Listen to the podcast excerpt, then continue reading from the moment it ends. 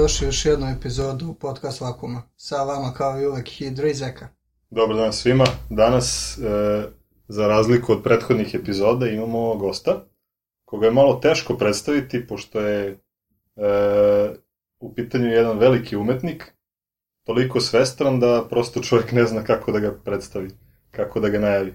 Pa najbolje je tvrdoglav nespecijalizovani umetnik. Jel tako? Da.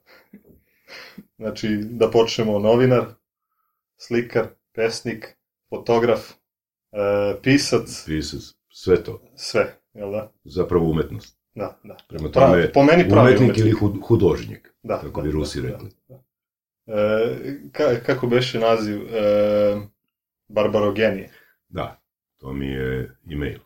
Ime. Barbarogenije, da. E sad, za barbarogenije tu je vezana jedna, ajde da kažem, po meni a, epizoda, a to je što sam, ja mislio da sam ja smislio kovanicu barbarogenije. To sam još u gimnaziji počeo da se potpisujem sa barbarogenije, jer sam eto smišljao kovanice ovaj, neke i smislio sam barbarogenije. Da bi par godina kasnije naišao na pojam barbarogenije, koji je upotrebio Nicić, a uh, osnivač zenitizma kod nas.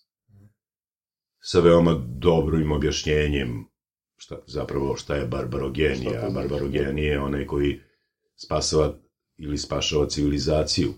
Zapravo snaga varvarina i genij ovaj, ljudski, intelektualni, odnosno spoj istoka i zapada. Znači, racionalni ovaj, zapad i razbarušeni istok. E, to je barbarogenija. Ja sam to tako doživljavao u gimnaziji, a onda sam ovaj, smislio da se potpisujem kao barbarogeniji. Bio sam jako razočaran kad sam video da je to pre mene i to x godina Da već postoji. pre mene ove, su ljudi normalno izmislili. No u to vreme, otprilike kada sam smišljao tu kovanicu, onda smo mi ovde radili, baš ovde, ovaj, Braći Jerković, grupa nas, smo počeli da pravimo časopis. Taj časopis smo ovaj, izvlačili, svako od nas je nešto pisao, ja najviše.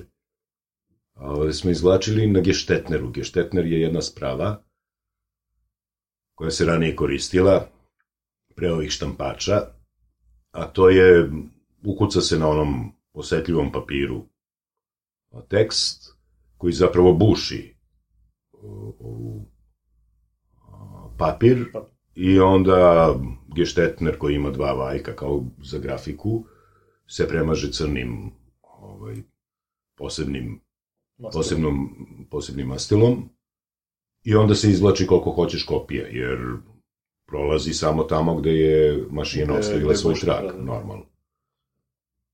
I ovaj, smišljali smo kao kako da nazovemo i nas, kao tu grupu, i časopis. I časopis i nas smo nazvali, opet sam ja kao smislio, genius seculi. A to je zapravo opšti um. Uh, opšti um u kosmičkom smislu ovaj, značenja. I bio sam jako ponosan na taj, taj genius seculi, eto, smislio sam nešto Da. što će možda ostati Da. za istoriju, jer svako od nas onako smišlja i misli, misli da će po nečemu ući u istoriju, mada smo istorija sami mi. I onda šta se dogodilo? Pre par godina, znači nekih 30 i nešto godina kasnije, ja kao ajde da ukucam u Google ovaj, genius seculi. I ukucam u Google genius seculi i izađe mi da je to pojam koji je izmislio neki austrijski filozof, veoma značajan, i to negde u 17. veku. Tako da sam shvatio da apsolutno ništa novo ne možemo da, Da. izmislimo, ništa novo ne možemo. Da. ovaj, a, u svetu ideja da izmislimo što već nije postojalo. Da. Svi mi u, u stvari prerađujemo nekakve određene ideje, mi svi mi prerađujemo nešto š- s čim živimo, a nešto slično su živeli i ranije i takođe prerađivali svesno ili nesvesno. Tako da i taj ta postmoderna, u koju se sad svi stalno uzdaju da svoje gluposti od e, dela e, smeste u nekakav okvir. Postmoderna je uvek postojala zato što je prerađivala stvari starih majstora, starih civilizacija na potpuno nesvesnom nivou. Očito smo mi ovaj, isto, iste ove mašine, mislim mašine, a, Da. a da je, kako kaže Nikola Tesla, da je sve i prošlost i budućnost ovaj, da se nalaze u ionosferi i da su to, da sad prevedem na savremeni jezik, folderi u ionosferi a, ili stratosferi, ne mogu sad da, da se setim. A, I onda mi samo kupimo, kad otvorimo um za određena stanja, Da, ove, mi samo kupimo nešto što, već, Već postoji. Da. jer ako večnost postoji, onda ona nije ni deljiva, znači ni na prošlo, ni na sadašnje, ni na buduće, Da. i ona mora da stalno egzistira, ako stalno egzistira, mora negde da egzistira, tako da je Teslina ideja o ovaj, tom vel, velikom, da kažem, kompjuteru uokolo nas, to jest iznad nas, po meni jako prihvatljiva. Svaka čast. Jesmo, jesmo predstavili čovjek? Jesmo rekli, Branislav Radišić? Nismo? Evo, Branislav Da, Radišić, da. sam se predstavio. Branislav Radišić. Da, svaka čast. Znači, tako je krenulo sa novinarstvom. Pa da, da, Otprilike. mislim, on, u gimnaziji sam pisao i to sam baš pisao, pošto sam u gimnaziji često imao keca. Jer, eto, opet govorimo o postmoderni. A, kako su, na primjer, nailazile teme, i sećam se da je tema bila nešto pred 25. maj, to je nešto bilo mladost i to, ne znam Da. ja, Klasika u to Klasika, vreme. da. I još neka tema je bila, uvek je bilo dve teme da se bira. Ja sam izabrao to mladost i to i ovo i sećam se da sam pisao baš postmodernistički, pre postojanje postmoderne, ovaj, o dinosaurusima i Luju 14. 14. Šta sam ja tad smislio da Luj 14. imao neke dinosauruse? Ne, ne mogu da se setim. Da, da. I uvek sam dobio jedan plus. Da. Ovaj, zato kao promašena tema, ali, Ali lepo napisano. lepo napisano. Ali ne sme da se da više od keca, jer bi to već bio politički problem. Da, da, da. da. Tako da je to. Ovaj, od rana sam, kako da kažem, ono, eksperimentisao sa tekstom, pa i sa slikom. Mhm. Jer se fotografijom, na primjer, bavim od 14. godine, od prvog Zorki 14. Mhm. Zorki 4 u stvari. Se zvao aparat koji sam dobio iz Rusije je stigao. To je bio odličan aparat, aparat Cajsova optika.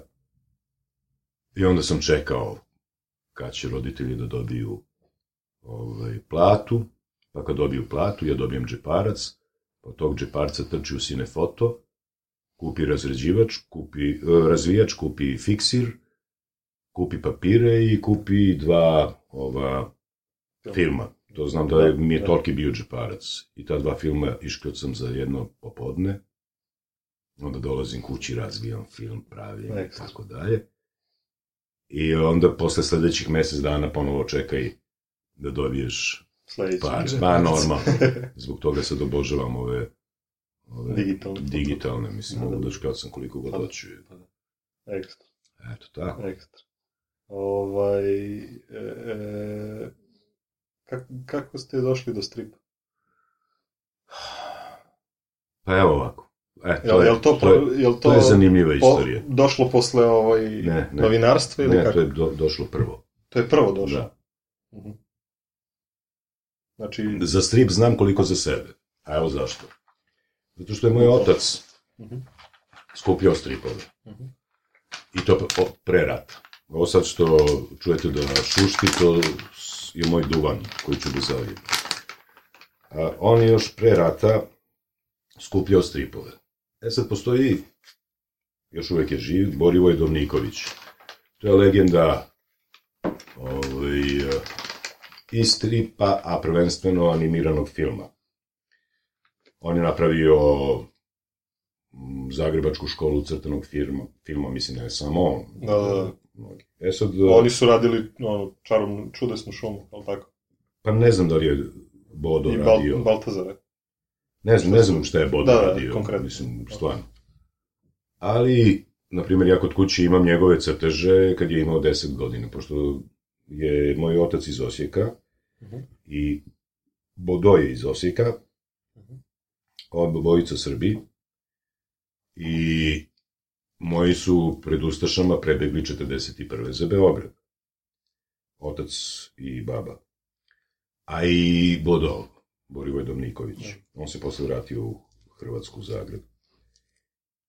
I moj otac i Bodo su pravili otac scenarija, a Bodo crteže. I to je neverovatno ovaj, kako je dobro u tim godinama radio Bodo. Da bi pre dve godine Dovniković bio gost e, salona stripa ovde. I ja sam poneo te crteže sa sobom da mu pokažem. A on kad je to pogledao, samo što mu suze nisu grunule, ovaj, Mogu da zamislim. pa nije mogo da Da, veruje da, da. o- o- šta gleda, da gleda svoje crteže, da je neko sačuvao njegove crteže iz desete godine. Znam da, ma da, mislim, tu je neki vitez koji je jako sličan princ Valiant, onda je tu neki mm, indijanac, tu je neki crnac, u tušu urađen. A, meni je jako zanimljivo i za mene vredno, Da, bez da, da, obzira da. Naravno. ovaj, na vrednost toga. I onda se prisetio tog vremena dok je bio u Beogradu, dok su bili klinci. No, moj otac je tada crnoberzijančio ovaj, bugarski duvan i preprodavao stripove. Govorim, znači, o periodu od 41. na primjer do 45. čet- 46. I to je stajao ispred bioskopa Zvezda, gde je bioskop Zvezda, tamo na terazijama, koji više ne postoji, ali je on Da. tu. U to vreme. Da, u to vreme. Ne znam ni da li je tad bio bioskop. Bioskop ili da. Nisam siguran, ali otac mi je pokazao gde je stajao. Tako da je on praktično bio prvi strip kolporter ovaj, na beogradskim ulicama, stvarno. Da. A, I stalno je imao stripove. Tako da sam ja imao ukoričene stripove sve. Od X9 pa nadalje. Mhm. To je bila ogromna hrpa stripova, ja sam nastavio da kupujem stripove, to posle kad je počeo, imao sam Mika Miša, normalno politikin zabavnik od samog početka, Plavi vjesnik kad je krenuo sa svojim izdanjima, znači sve što je bilo na teritoriji Jugoslavije ja sam imao. I stripove sam imao i kad nisam umeo da čitam, znači gledao sam sličice. Prema tome, prvo sam se upoznao sa stripom, sa tom vizuelnom naracijom slike, ne fotografije, nego slike, Da. crteža i ovoga, i normalno da sam ja to usvajao ovaj, kako, kako je vreme prolazilo. Znam da sam uvek ovaj, fingirao da učim, a čitao sam stripove, posle čega je uvek usledila neka ovaj, blaža kazna. Da. I eto, tako sam se ovaj, upoznao sa stripama. Kad sam počeo da radim u Radio Beogradu na 200 kao spoljni saradnik, ja sam predložio da uredniku, to jest urednik mi je bio prvo Bogdan Maksimović, fantastičan čovek, posle Dubravka Vojvodić. Ja sam krenuo da Rekao sam, pa ja bih da imamo strip. Kaže, šta će ti to, bez veze strip? Pošto je strip bagatelisan bio kao umetnost, dosta dugo. Ovaj, pa ja sam rekao, je, mislim, izlazi to, tada je izla, izlazilo puno izdanja Na, stripa. na sve strane. Na sve strane, i Sarajevo, i Zagreb, e, i Beograd, mislim, to je vrvilo Da, imali smo razno raznih do, izdanja. scenu. Da, da. Izuzetno jako. I Novi Sad, normalno, da njega ne zaobićem. On i dan danas je stožer srpskog stripa. I ovaj... I oni, ajde, mislim, Ludi Bane, Da. Zašto? Pa ne? ajde, zašto da ne? I ja sam onda počeo uporno svake nedelje da imam strip rubriku. Pre toga, znači, pre mene to u medijima uopšte nije bilo. Da. Možda sporadično se nešto pojavi, neki ozbiljan analitički tekst o nekom ovaj, autoru ili stripu, za to su zaduženi bili drugi. A ja sam onako novinarski pokrivao i normalno sam ove uh, sve tad mlade autore, znači sve sad koji su praktično svetske zvezde i ovo, svi su bili pred mojim mikrofonom. Ja sam bio uporan kao mazga i to sam gurao da bi, na primjer, posle jedno godinu dana odjednom u politici počelo da se pojavljuje redovna rubrika o stripu, pa onda u drugim medijima redovna rubrika o stripu i na to sam jako ponosan. Mislim, Da. na to što, se, što su se pojavile rubrike u stripu, o stripu i o strip autorima i što je to počelo drugačije da se vrednuje, e onda su neki, kao moj kum ovaj, Miša Kurtović, otkupili pravo za Korta Malteze, za Tardija i tako dalje, pa su onda počeli da se pojavljuju albumi. E, I onda je odjednom strip dobio svoje mesto u ovaj, galeriji, umetničkoj galeriji ili, ili galeriji umetnosti, pri tome ne mislim samo na, na sliku, mislim i na ovaj, knjigu i na likovnu umetnost i na, na svih devet, sve, da, da, na svih svih devet, da. devet umetnosti, sad pošto je strip deveta umetnost. Ovaj, tako da sam jako ponosan na to. Stripađije znaju za to, drugi ne znaju, ali nije ni bitno. Mislim, Da, da. glavno je da ja znam. Naravno, naravno, svaka čast. Ja, jel ja mislim da je inače kod nas problem da neko krene nešto. Pa Uvek. Kad neko krene, onda svi idu tim putem, ali Uvek je to dok bio neko problem. ne krene, svi stoje. Pa uvek je to bio problem. Ovo. je. Uh, danas ti imaš jako ugledne strip kritičare, koji kad sam ja pravio strip kritiku, nisu uopšte želeli da se bave stripom. Tako da je uvek i ona ista priča. Pe, pevac koji prvi zapeva, mislim, obično završi u čorbi. Da. Ali to nema veze, mislim, to stvarno nema veze. Uvek neko mora prvi i taj ne sme da očekuje da, da će od toga imati bilo kakve benefite, to jest ovaj, se nauživa dobara od toga, niko neće da, jer uvek posle, taj koji do, ide prvi, uvek ide srcem. Da. A, a ovi koji posle prokljuve, onda oni idu Za nečim drugim. Pa da, Iskoristi, više za interesom. da, da. Aha, ovo je nepokriven prostor, ja ću da pokrivam prostor, koštam toliko i toliko i tako dalje i tako Da, da, dalje. da, da. Mislim, a, pri čemu ne znači da je ovaj prvi najbolji. Naravno, Ne, ne. okej, da, da. Taj prvi je išao srcem, onako prosto amaterski ili a, punom željom, može da bude kvalitetan ili ne, a onda dolaze stvarno ove ne, neki drugi ljudi koji a, to lepo iskoriste i pos- postaju jako dobri u tome. Mislim, nikome ne treba osporavati ovaj kvalitet uh, u zavisnosti od vremena kad je došao. Naravno. U, postoji i prosto istoriografija, po, zna se ko je šta ovaj, u strip svetu, bez obzira šta drugi pričali ili mislili, kao što se uvek znalo uh, među stripađijama, koja je posebna vrsta ovaj, a, ljudi, uvek se znalo ko je šta i ko šta može. Isto. Tu nema prevare, bez obzira da li ću sutra ja da izaberem pa u novinama da nekoga glorifikujem kako je fantastičan, izvanredan, kako probija sve granice stripovskog izraza i tako dalje i tako dalje. Ali kad se nađemo ovako u kafani, Zna se ko je ko. se zna Da, ko da. je ko i šta je ovaj i gde on folira i on može da nađe hiljade ovaj, a, svojih a, apologeta da ga dižu u nebesa Da. ljudi i novinari i ovaj, i televizija, ali kad se nađe u društvu Da. istih, odnosno, Ono, odmah se zna. on je tačno zna Da, da. koliko vredi, kao što i ovi ostali znaju koliko vrede, ali to ništa ne smeta. Mislim. Naravno, naravno. Sve u službi stripa. Naravno. ovaj, malo smo ispreskakali, ali nema veze. Nema ovaj, veze. e, kako ste došli do radija?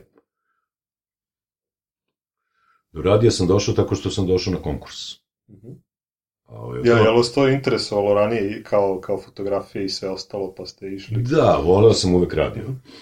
Prvo voleo sam radio od malih nogu, i to naročito radio drame.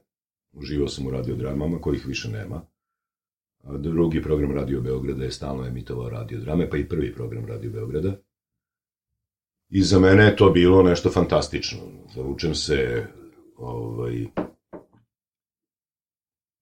pod jorgan ili sednem kraj radija uveče i oslušam radio dramu. Normalno u glavi sve izrežiram, i likove, i ove, prostore, i u tome sam uživao. Ja sam stalno imao radio dramu kao vizualni doživljaj, ne samo kao Naravno, auditivni. I onda sam ovaj, konkurisao. I pojavio se konkurs za spikera Radio Beograda na 200 dvojci. Ja sam konkurisao, ali nešto morate da znate, a to je da u to vreme u radio nije moglo da se uđe, a da nemaš neki ozbiljan politički ovaj, ili rodbinski background. Znači, Da, mora, da, da. nije se lako ulazilo u radio. u to vreme. Da. I ja sam do, došao na konkurs, prepun treme, i čitao sam.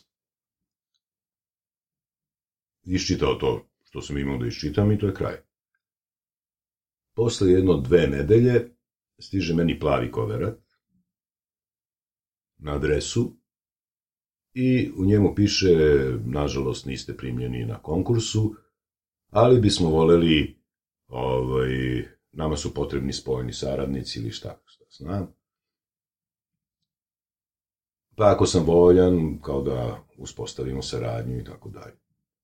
Ja sam to obe ručki prihvatio i došao u Radio Beograd. Sjećam se, Ljilja Ilić me je primila, fantastična spikerka i voditeljka. I ništa, ovaj, ja počnem da radim, ne daju mi ništa. Nijedan sektor, ništa posebno, s vremena na vreme kao nešto da pročitam. I sad ja, ovaj, idem, a kao nešto sam radio tada je postojao dnevnik 200 dvojke, koji je išao u 4 sata. I sad ja krenem odavde iz Braća Jerković, onda Duva Košava, pošto mi nisu dali ništa da pratim, ja onda sednem i napišem nešto o Košavi, o ovaj, o kesama koje se kače Na grani. na grane i tako dalje. Pa onda sledeći put idem pa napišem nešto o parkiranim kolima između kojih prolazim. Smišljao sam šta ću da napišem. E sad zapravo sam ja ostao u Radio Beogradu samo zahvaljujući a, prvo Anđelki, ona je bila tonac Radio Beogradu. I bila je tonac tu kad sam ja čitao ovaj, za konkurs. Ja to sad posle saznajem, tek kasnije saznajem, zapravo od Ljilje. Pa kaže, primili smo, zvali smo te zbog Anđelke. Ja kažem, a zašto? Jer ja nikoga nisam znao, stvarno nikoga. I ovaj, pa kaže, zato što kada je digra, digla regler i kad si ti počeo da čitaš, Anđelka se okrenula nama koji smo bili u komisiji i rekla je ovako, ako ovog čoveka ne, primi, ne primite, ja rušim konkurs. I oni kao, pa Anđelka, nemoj, jer ti znaš za koga je konkurs, pa nemoj. Kaže, ja rušim konkurs. Pa Anđela, da, da ga uzmemo kao za spojenih saradnika. Kaže, ja samo hoću da ga vidim u Radio Beograd. Da, nebitno koja je pozicija. Hm? Nebitno koja pozicija, samo... Ne, da- hoće, mislim, njoj se da svidao je moj glas oduševljeno. I tako dalje. Ja to apsolutno niš, ništa nisam znao. ja, meni je samo stigao plavi koverat, ja sam onako oduševljeno krenuo da se rađujem. A drugi čovek zbog koga sam ostao, Anđelka je imala jako veliki ugled. Drugi čovek od izuzetnog ugleda, to je bio Vlatko Vlatković. On je već bio penzionisani novinar, od ko, kojeg su zadržali na 200 dvojici da praktično obučava mlade novinare i on je bio urednik a, za dnevnik 202 i kod njega su dolazili svi tekstovi. E sad, kad kod njega dođe tekst ovih novinara, on biva toliko izžvrljen.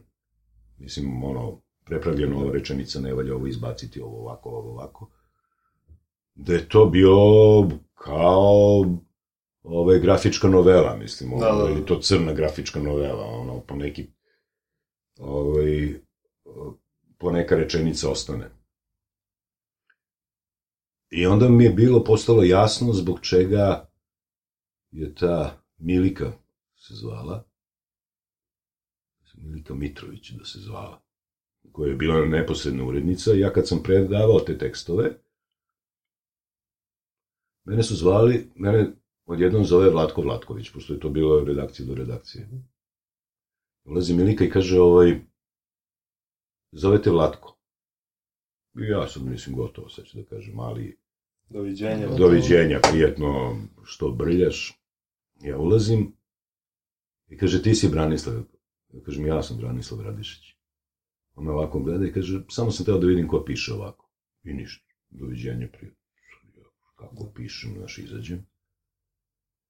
I pošto on uzima tekstove, onako naslaže ih u jednu fasciklu, to poređe ih po kom redu će oni da budu čitani, da se napravi takozvana pogača za radi za ovaj, radijski dnevnik.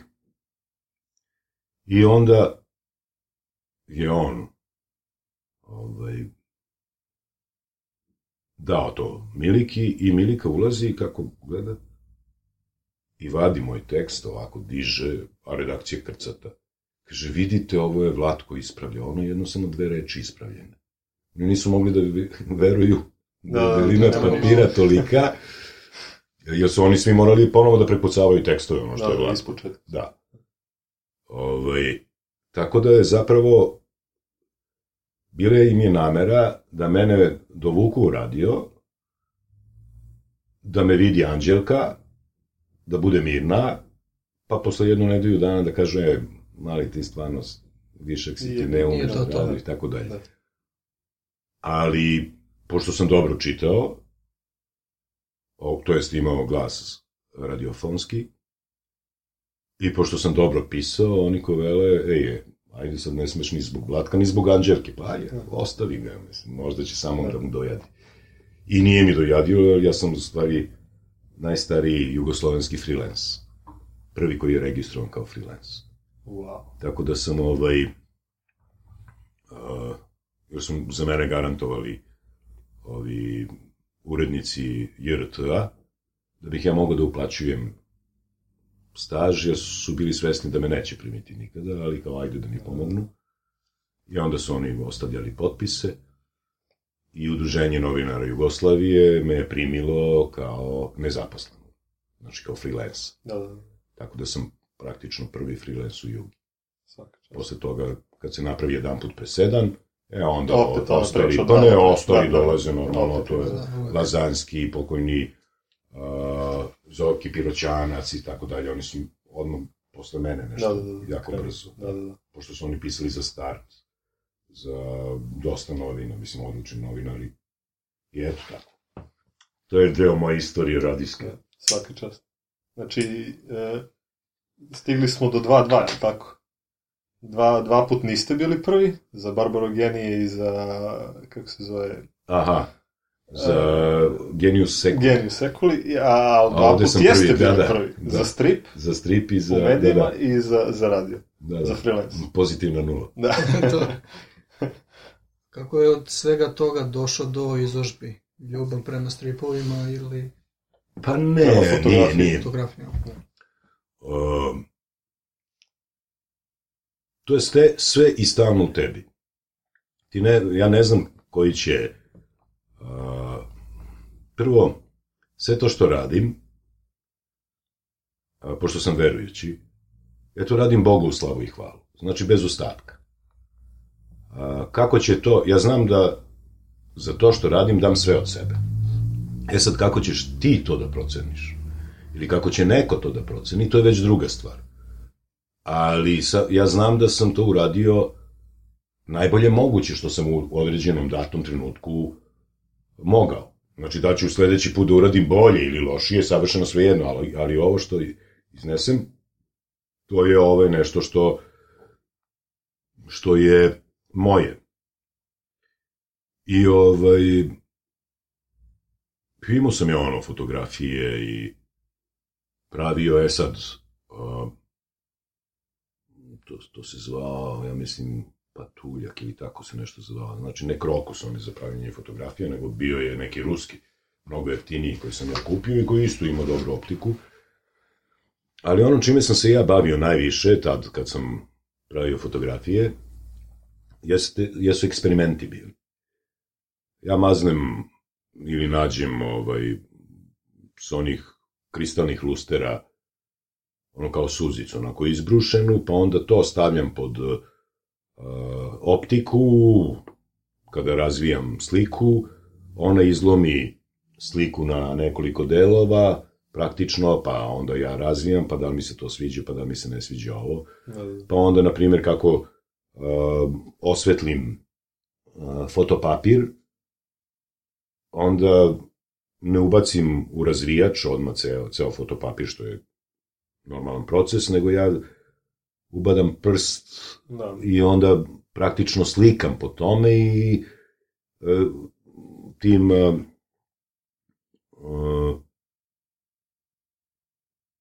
iniciram samo određene delove slike. Znači čist eksperiment. Ne, ne celo odjedno. Ne, ne, ne, ne, polako, polako. Da, posle, Ili, ili, na primer, um, razvijem u razvijaču i pre nego što ubacim u fiksir, onda vidim kao, aha, ova mi je, ovaj prostor mi je mnogo siv, pa onda opet ubacujem prst, pa izlačim više crne, jer oni koji nikada nisu radili to sa analognom fotografijom nemaju pojma. Da. Šta to znači? A onda, kad sam nabavio kompjuter i kad sam nabavio prvi Photoshop, ja sam bio oduševljen. To sam sad htio da pitam. Da. Je, li ima razlike što kažu mnogi, e, jel uh, umetnost izgubi svoju dušu kad se pređe na digitalno? Ne, ne. Ili, o, ili samo ima veze do, do čovjeka? Nema to veze. Kako on to Ma, nema to veze. Mislim, to, to je isto kao kad bi neko ovaj, rekao da uh, je umetnost izgubila dušu onog momenta kada su prestali slikari sami da prave svoj pigment, nego su počeli da, da, da ga kupuju da, kupuju u tubama. Da. Znaš, šta to znači? Naravno. Znaš, to nema veze, to ima veze samo sa ljudskim duhom. Tako. A tehnologija s kojom ćeš ti to da radiš je deseta stvar, mislim, to nema veze. Mislim, kao sad neko kad bi optužio renesansne majstore uh, da su izgubili dušu zato što su koristili kameru obskuru. Da. Mislim, iznesu je na trg, onda ovaj, naprave s onim svim kvadratićima koji su zapravo najobičniji ovi uh, konci i onda precrtavaju. Oni su samo precrtavali da, to što ovaj, vidi u kvadratićima. To što vidi u kvadratićima, jer zašto da. bi sad gledao on u Veneciji kako izgleda trg Svetog Petra, da. a crto samo jednu zgradu. Ne, ili se maltretirao, ne, ne, stavi onu kameru obskuru, ona mu baci ovde na papir, on iscrta to, znači prekopira da, da zapravo da, da, da, ono što je kamera. To, tehnologijom su se od uvek bavili da to bude lakše. Znači nije pitanje a, toga šta ćeš ti da uradiš, nego kako ćeš ti da uradiš. A, nije pitanje da ti napraviš jednu a, realističku fotografiju. Fotografija, na primer, ili slika, Ona mora da ima svoju priču i deo tvoje duše. Ukoliko to ne postoji, ne postoji ništa. Mislim, to je samo da. jedno najobičnije crtež džubre ili šta ja znam. Tako da je to što je donela ova tehnologija, donela je mogućnost da s, za boljim izrazom, da se ti a, više izraziš, a, ali i kao za svaku drugu umetnost, tu je potrebno i neko zanatsko umeće i neko znanje. Da. I evo sad, kad bismo otvorili Google ili nešto, pa kao gledali razno razne fotografije, pošto je sad ovo a, civilizacija vizualno. Dig, digitalno. Ne, ne, vizualno, Jeste. bukvalno vizualno, to, to je, više niko skoro ne čita, mislim, nego samo Definitivno. vizualno, vizualno da se napaja. Ja mislim da dnevno se milijarde slika okači na internet. Od tih milijardu slika, ko zna koliko, koliko je, kolicno je vredno. Mislim, postoji i amateri koji škljocnu i šta je znam Da. ali u analizi jedne fotografije ili jedne slike a, ti možeš da vidiš da li je čovek a, ima nešto u sebi, da li poznaje to ili je to bio slučaj. Ima poprilično slučajeva gde su potpuni amaterije kao gde kako si uvatio fenomenalno. Dešava se. Dešava se, pa normalno. Ugodio trenutak. Ne, normalno. Čorava koka. Pa normalno. Ovaj, prosto zavidiš kao kako je urađeno. Ali o, o, ajde ti to uradi u kontinuumu. Tu je razlika, na primjer, Da. između a, amatera i profesionalca. Tako. A napravit ću jednu analogiju, a ta analogija je zapravo vezana, ajde, za košarku, možda za sport. Najlakše je to. Znači, ti možeš u ekipi da imaš čoveka koji će u toku jedne utakmice da da 40 ovaj košar. A već sledeće utakmice on će da da 7. I sad ti treba da čekaš kad će njemu da najđe da da 40 koševa. E pa izvini, takav mi ne treba. Jer ja ako pravim ekipu, ja hoću da znam da ćeš ti na svakoj utakmici dati između 20 i 28 koševa. A ti između 20 i 25. Ti otprilike 8 i tako dalje. I ti Tako. praviš tako ekipu. Tako je. Ti praviš ekipu profesionalaca. Naravno. Znači, on ne može da dostigne 40 koševa. Ali neće ni da omane da, Ispod 20 ili... da, da postigne 7. Nego, on će uvek oko između 20 i 28. Eto, koševa da postigne. I ja uvek računam na njega. To je profesionalac. Tako je. Znači, ne može da ide ispod nekog nivoa i ti, ljudi to prepoznaju. Uh, on može u nekakvom nadahnuću da ode iznad 28, da dođe do 40, pa i do 50, savršeno sve jedno. Ali nikada neće ispod nekog nivoa da ode.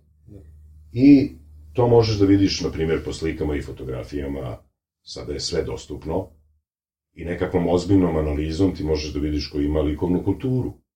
Ko zna zapravo šta slika. Bez obzira da li je to fotografija ili je to slikano uljem, gvašem, tušem. On prosto zna, vidiš da zna za zanatski deo posla i da zna šta je likovnost. Da zna da napravi da to oku bude ugodno. Bez obzira da li je to Da. abstrakcija, da li je Da. to e, realizam, da li je to figuracija, da li je to romantizam, savršeno svejedno. Ovaj, on ume.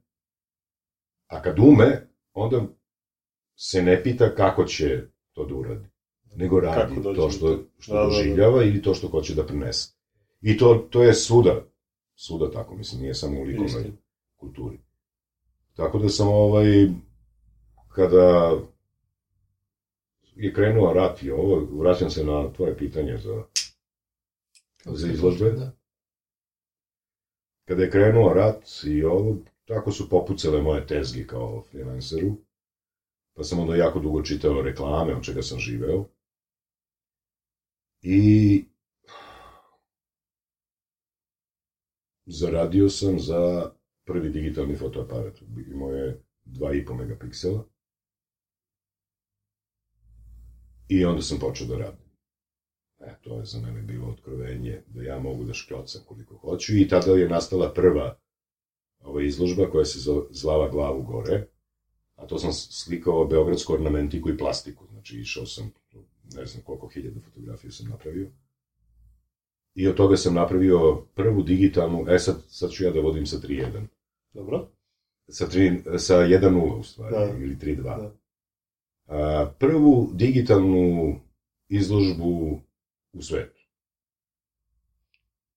Postojale su ovaj, digitalne izložbe, ali su one ovaj, kako da kažem, trajale. Da. Ja sam u Studentskom kulturnom centru napravio izložbu koja se zvala Glavu gore i sve sam ispoštovao da sve bude digitalno. Znači MP3 i ove JPEG-ovi. Da. Našao sam određenu muziku koja je išla uz to, to je bio MP3 i ovo je bila digitalna projekcija. I dođeš na digitalnu projekciju, ti zapravo gledaš stalno smenu e, nule i jedinice, znači binarni kod ovaj, po kojem radi kompjuter. Izložba je veoma uspela, ali onog momenta kada sam ja ugasio uh, projektor i kompjuter i kada sam ugasio MP3, izložba više apsolutno ne postoji. Da. On je samo jedan najobičniji digitalni zapis od kečeva i nula koji se nalazi na nekom CD-u. I to je to.